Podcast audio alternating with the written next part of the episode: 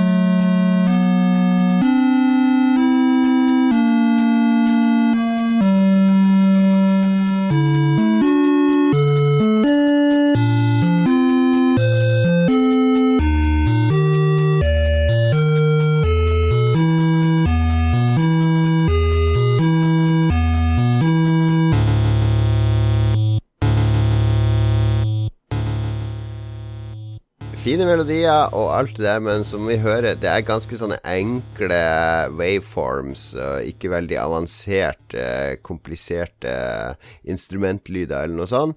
Eh, mangler kanskje litt, eh, hva skal vi si, dybde. Eh, litt mer eh, kompleksitet i lydbildet. Eh, vi skal ta ett til eksempel fra disse fengende, enkle melodiene som eh, veldig mange gamere har veldig, veldig gode minner til. Uh, Megaman var jo en, en ikonisk spillserie som starta på Nintendo sitt 8-bit-system. Og uh, han som lagde musikken til de to, eller i hvert fall til Megaman 2, han heter Takashi uh, Tateishi. Han jobba kun i Capcom en kort stund, men han rakk da å lage den, den velkjente jinglen til Megaman, og også mange av de mest ikoniske låtene. Megaman 2 blir jo av mange regna som liksom starten på det som skulle bli storserien Megaman. Um, mest kjent melodi uh, De lærde strides, men jeg har valgt Dr. Wileys Cast.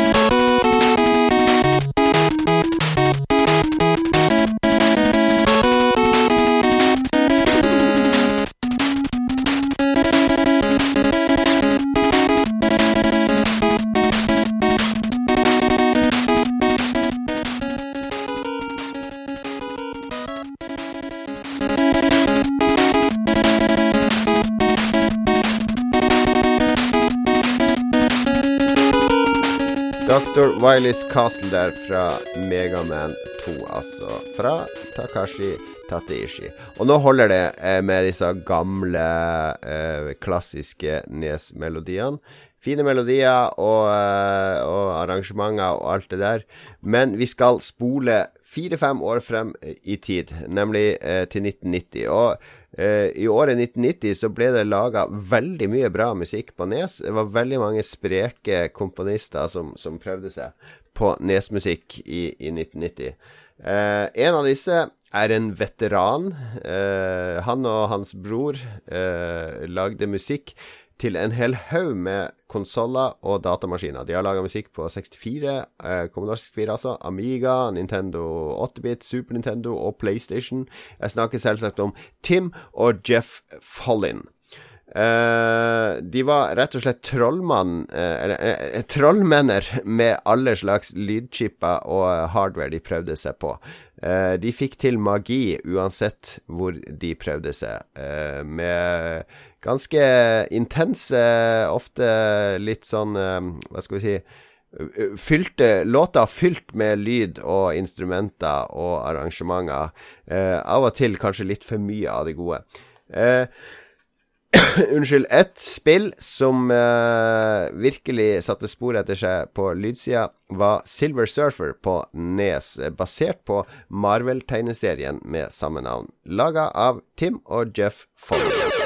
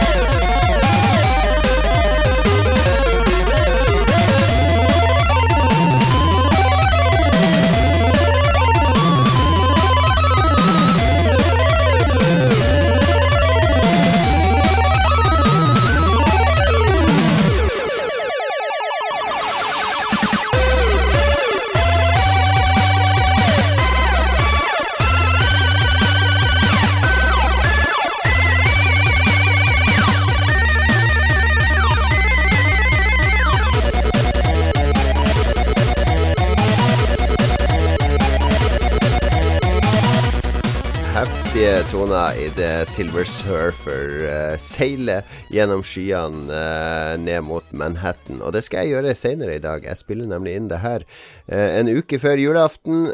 og om noen timer så drar vi ut til mm, Gardermoen for å fly videre til New York, der jeg skal feire jul i år. Det var litt skryt her i Sidbua. Vi skal ikke slippe den godeste Fallin uh, av uh, helt ennå. Uh, han har laga mye bra musikk på Nes, og vi skal ta med én låt til fra, fra Tim Fallin. Et, et, slags gruble action Hva skal vi si Exploration-spill som heter Solstice.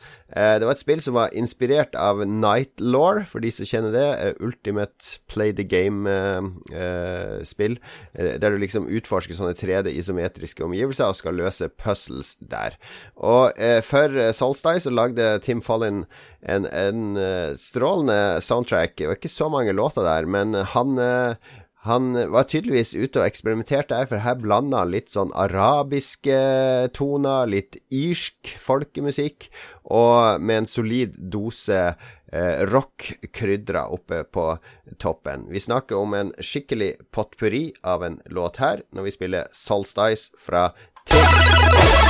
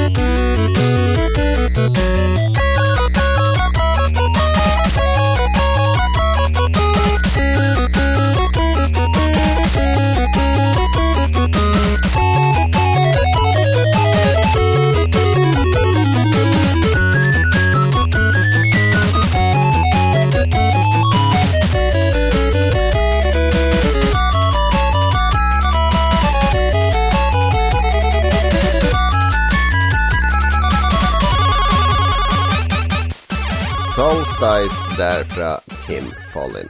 Nå skal vi over til en av de virkelig ikoniske seriene fra Nintendo sin 8-bits-maskin. Jeg snakker om Castlevania fra Konami. Castlevania eh, var satt en helt ny standard for, eh, for uh, plattform Det var liksom en blanding av plattform og actionspill med et narrativ fra start til slutt. Uh, og uh, nivåer som hele tida forandrer seg, fiender som forandrer seg, oppgraderinger av våpen osv. osv. Uh, Castlevania har også blitt veldig kjent for eh, lydsporet sitt. Eh, mange av melodiene går igjen i flere spill, fra, helt fra de første Castlevania til dagens Castlevania-spill. Og det var ei som heter Kinyo Yamashita, som var med å komponere flere av låtene i det første Castlevania-spillene. Ja, en kvinnelig komponist. kreditert som James Banana, som var et av hennes pseudonymer. Eh, mange av hennes ikoniske melodier har blitt remiksa og gjenskapt i utallige Castlevania-spill, og av fans siden da. Og et av de mest kjente temaene, som vi faktisk skal spille tre ganger nå på rad Ja, det er et poeng med det. Vi skal høre Vampire Killer-temaet, som først dukka opp i Castlevania 1 på Nes. Vi får høre det slik det hørtes ut i det første spillet eh, nå. En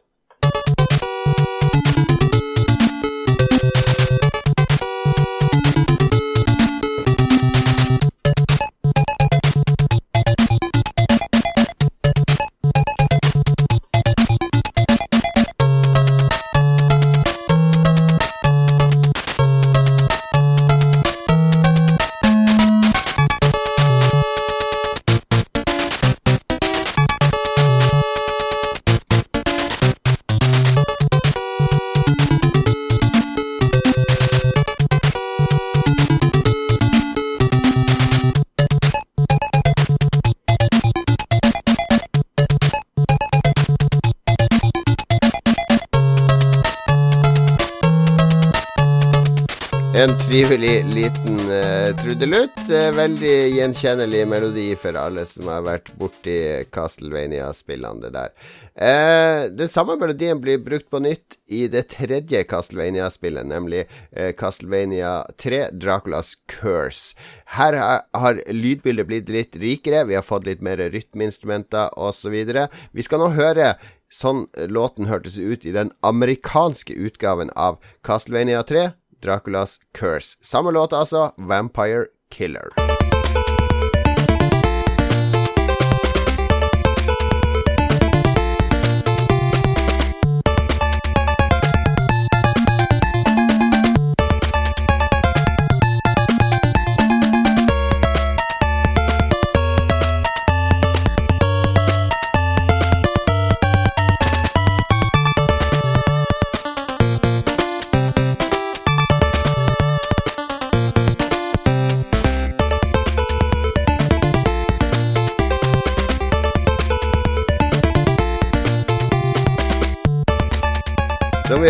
Samme melodi, men nå med et uh, atskillig rikere lydbilde. Og det som var litt pussig med Nes, og som uh, kanskje ikke alle vet om, er jo at uh, det er faktisk en hardware-forskjell på Nes-maskinen som kom i Europa og USA, og Nes-maskinen som ble lansert i Japan.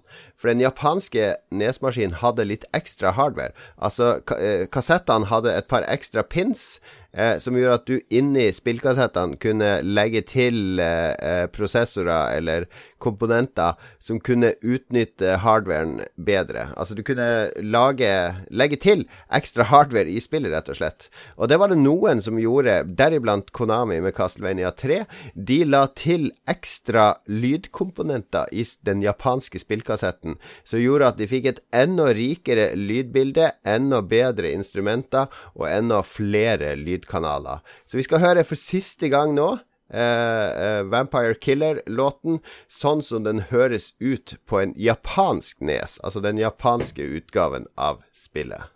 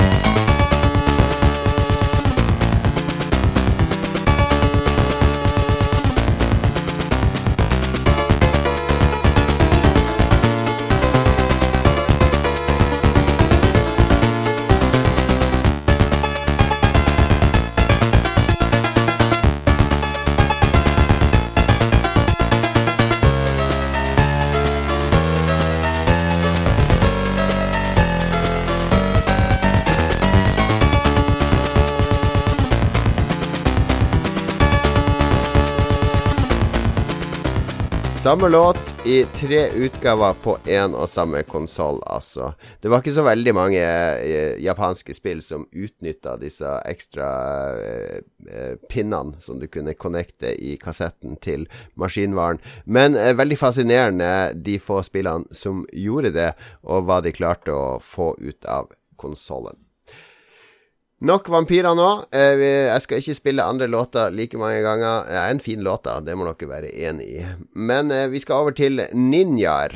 Eh, vi var jo enkle sjeler på 80-tallet. Gi oss noen vampyrer, gi oss noen ninjaer, så er vi glade. Og Ninja Guiden-serien, som også gjennomsto på Xbox på 2000-tallet, den var kjent både for sin, sin høye vanskelighetsgrad, men også for sitt flotte lydbilde. Eh, Naoki Kodaka eh, het ikke han som komponerte her. Det var Ryuisi Nitta. Ryuisi, Ryuisi Nitta. Eh, han var, som mange japanere, veldig opptatt av rockemusikk. Mange av de japanske eh, spill-soundtrackene på 80-tallet er liksom et forsøk på å lage rockemusikk med chip-lyder. Og så også Ninja Guiden 2. I Ninja Guiden 2 The Dark Sword of uh, Chaos så er uh, lydsporet energisk og stemningsfullt og ofte pulserende, og vi skjønner at det er riff som, uh, som han har prøvd å lage her, den godeste Nitta, når vi hører Lord of the Night.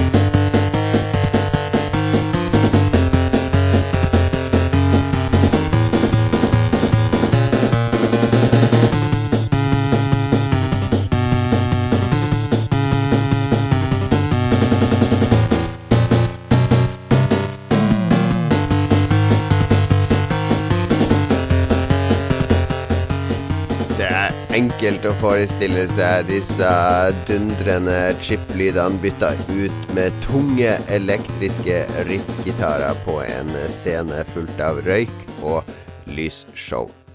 Nå skal vi over til Naoki Kodaka.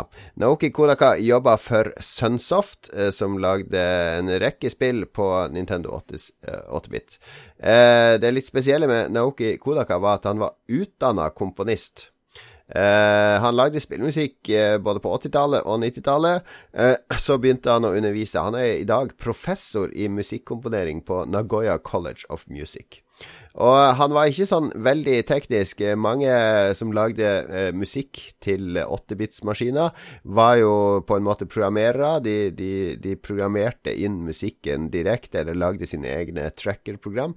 Men eh, Naoki Kodaka han komponerte som regel musikken sin på uh, sheets, altså uh, som på noteark, rett og slett. Og så leverte han disse notearkene til uh, lydprogrammererne i Sunsoft, som da la inn musikken hans i spillet. Og så ga han input på hvordan han mente instrumenter skulle høres ut, og tempo osv., osv., uh, helt til musikken ble perfekt.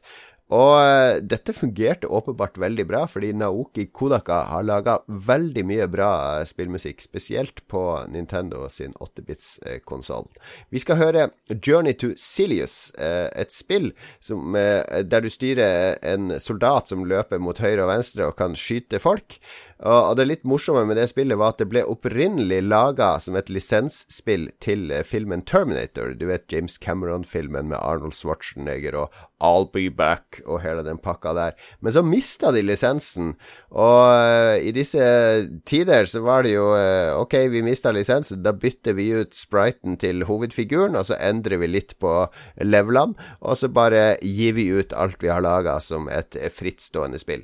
Terminator ble da Journey to Silius, et spill som antagelig huskes bedre for eh, sin gode musikk i dag enn for selve spillet.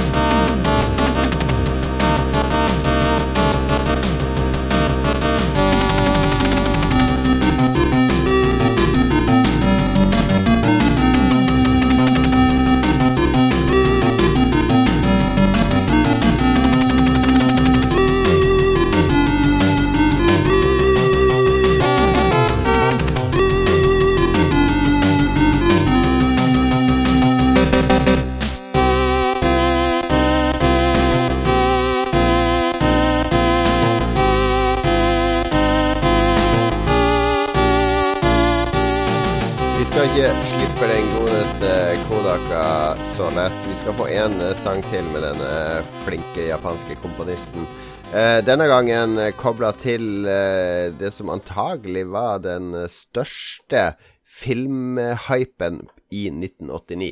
Eh, da kom nemlig Tim Burton med filmen Batman. Og eh, dere som er unge i dag og, og ser alle Marvel-filmene som sprutes ut eh, fra Disney, sammen med DC-filmene, som kanskje ikke er like bra eh, det, er, det, er, nok av superheltfilmer som lages nå, men i 1989 så var superheltfilmer Det var ikke noe som noen egentlig lagde. Og de få som kom, det var sånn rett på video, B-film. Var, var veldig pinlige satsinger. Så når Tim Burton, en veldig anerkjent regissør, skulle lage Batman, basert på Frank Miller, og, og Batman var ganske inn på tegneseriefronten da, og med Jack Nicholson som jokeren og stjernespekka skuespillergalleri, så var det en enorm hype rundt den eh, filmen. Det var jo til og med Prince som lagde filmmusikken til Batman. Eh, og det husker jeg, det var et voldsomt hardkjør på den filmen eh, med, med reklamer og hype og alt mulig. Og det ble laga veldig mange Batman-spill rundt den filmen. Eh, noen av de var lisensiert basert på selve filmen, men andre var Batman-lisenser osv. Men det dukka opp et tonn med Batman-spill på slutten av 80-tallet, starten av 90-tallet. Og et av disse lagde jo da um, Sunsoft, med musikk fra Kodaka. Og her fikk han virkelig gå amok med sine digitale trommelyder, som preger mange av hans uh, nesesanger. Dunkende basslinje, frenetiske trommer. Uh, vi danser til Kodaka.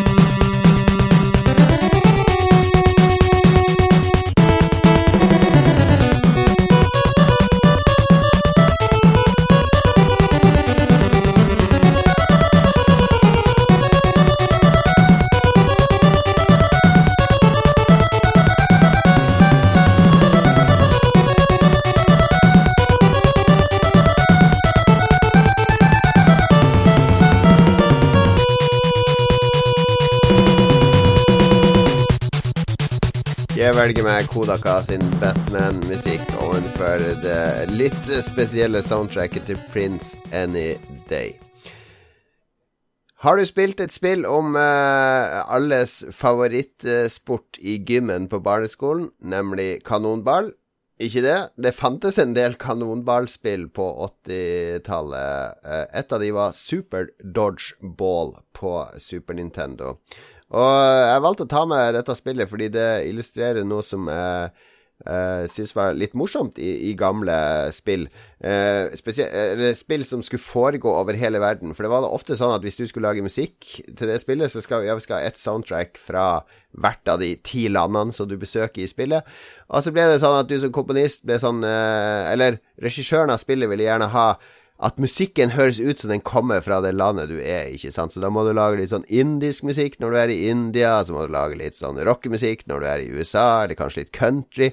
Litt eh, eh sambarytmer hvis du besøker Brasil, osv., osv. Eh, og, og mange av disse låtene som blir laga til disse spillene, som skal foregå på forskjellige steder i verden, og har liksom litt sånn kulturelle røtter i det stedet musikken kommer fra, de blir veldig fengende eller litt sånn søte, eh, eh, naive eh, måter å, å appropriere kulturen i det landet på.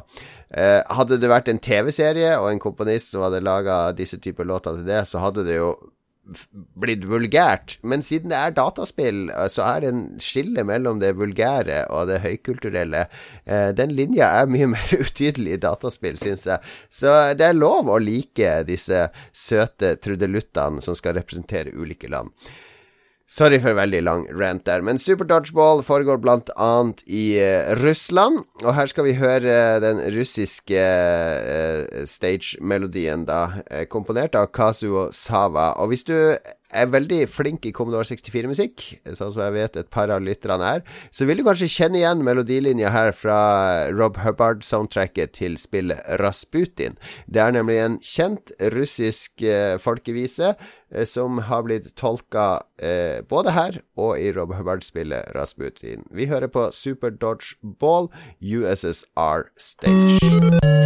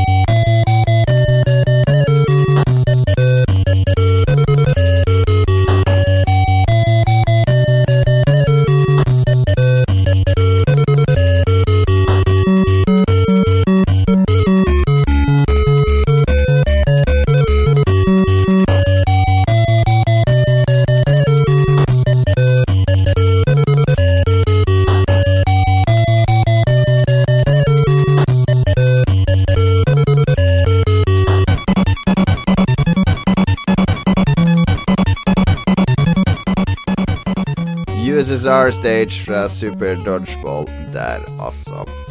Jeg sa at vi eh, var egentlig litt sånn ferdig med de eldste Nes-sangene, de litt sånn simple eh, tonene. Men uh, vi må ha med en til. Jeg må ha med den fordi vår Lolbua sin corporate manager Jostein Hagestad han kommer til å slakte meg hvis jeg har et nes-tilbakeblikk uten å ha med denne låten. Serien Ducktales var en serie jeg hata intenst på 90-tallet. Jeg var jo sånn gammel donaldist og likte klassisk Donald Duck og Carl Barks og hele den pakka der. Så Ducktales var for meg en vulgær fremstilling av eh, figurer jeg var veldig glad i. Men spillet Ducktales, må jeg innrømme, hadde mange gode kvaliteter. Det var jo Capcom som som lagde dette spillet for Disney. Og eh, majoriteten av Megaman-teamet til Capcom var jo involvert i produksjonen av spillet. Uh, og det ble et bra spill med et bra soundtrack, og her skal vi høre det klassiske, superklassiske månetemaet fra Ducktales.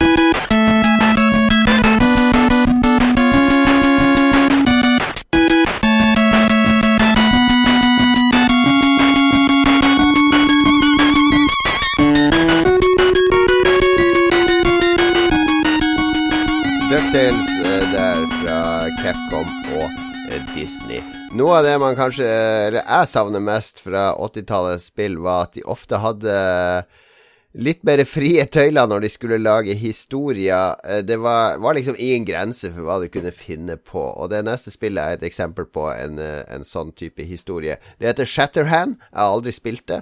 Eh, jeg liker soundtracket. Det er litt sånn rocka japansk igjen. Og så leste jeg beskrivelsen på spillet, så jeg tar den bare med i sin helhet. Tenk at vi ikke lenger Eller at vi er kommet så langt at vi ikke kan ha sånne her stories i spill. Jeg savner disse naive 80-talls rett på video-historiene som spill hadde. Her er nemlig beskrivelsen til Shatterhand. Set in the year 2030. Det er altså bare Det er om elleve år, rett og slett. A group of military renegades known as Metal Command, led by General Gus Grover, are seeking to conquer the world by building an army of cyborg soldiers. Det var en meget uh, uh, solid plan på 80-tallet å bygge avanserte roboter for å ta over verden, altså.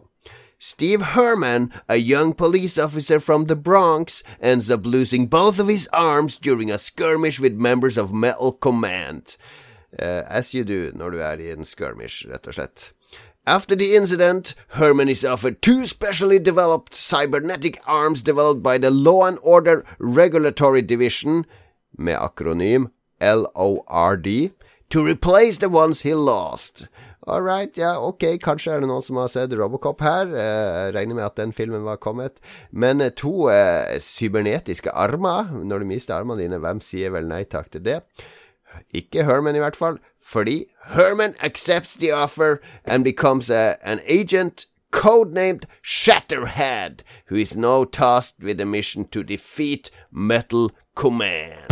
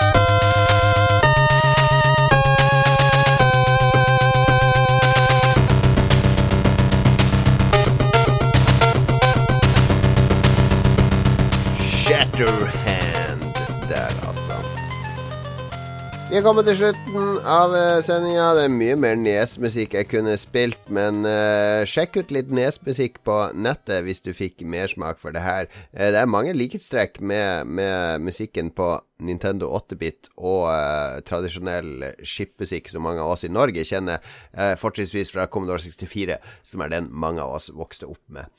Til slutt så skal jeg spille en helt ukjent perle av en låt som jeg oppdaga når jeg gjorde research til denne Sidbua. Den har klatra opp til å bli en av mine favoritt-spillmusikksanger ever. Jeg har aldri spilt spillet, jeg aner ingenting om spillet, fordi det kom kun ut i Japan, og det heter Moryu Senki Madara. Uh, når, du, når, du, googler spillet, så er det veldig lite info å finne om det. Det er et slags rollespill fra Konami, virker det som, basert på en anime med samme uh, uh, tittel. Jeg kommer aldri til å spille det. Jeg kommer i hvert fall aldri til å se animeen. Men lydsporet det kommer jeg til å ta med meg på flyet over til USA og nyte mens jeg flyr over Atlanterhavet og prøver å sove omgitt av barn og voksne og andre som bråker og spiser og smatter. Det ble en liten avsporing der. Men hør på denne sangen. Det er en perfekt sang å avslutte denne Sidbua med. Håper du har en fin romjul hvis du hører det her i romjula. Eh, håper du har det fint uansett hvor du hører det her. Og så må jeg selvfølgelig takke min produsent Lars Rikard Olsen. Han er egentlig ikke produsent, det er bare noe vi sier for at det skal høres mer profesjonelt ut. Uh, takk uh, min retroekspert Christian Chessem, som alltid gir meg masse god input på uh, spillmusikk og sånne ting, og som har gjort en formidabel jobb med å holde besøke Back in Time og holde kontakt med gamle komponister. Jeg må også takke Tja Jo, Stein Pedersen, selvfølgelig, må jeg ikke glemme, som har laga intromelodien, og som fortsatt er aktiv på demoscenen. Så takker jeg mine andre medprogramledere i Lolbua, Dag Thomas, Mats og eh, Ståle. Jeg håper jeg ikke har glemt noen nå. Takk julenissen og Gud og Kanye West og alle andre som inspirerer meg i hverdagen. Vi avslutter med kan man sette deg tilbake hvor du enn er. Nyt denne melodien fra Morjo Senki Madara. Den heter Wicked Star Maze.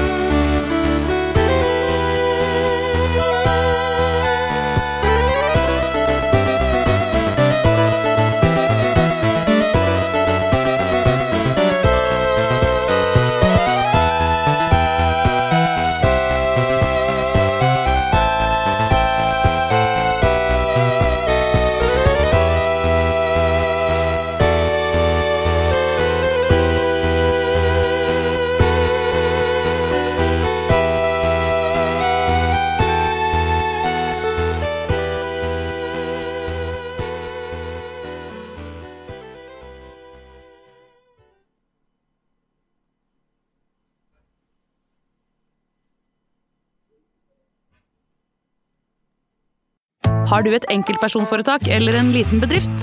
Da er du sikkert lei av å høre meg snakke om hvor enkelt det er med kvitteringer og bilag i fiken, så vi eh, gir oss her, vi. Fordi vi liker enkelt. Fiken superenkelt regnskap.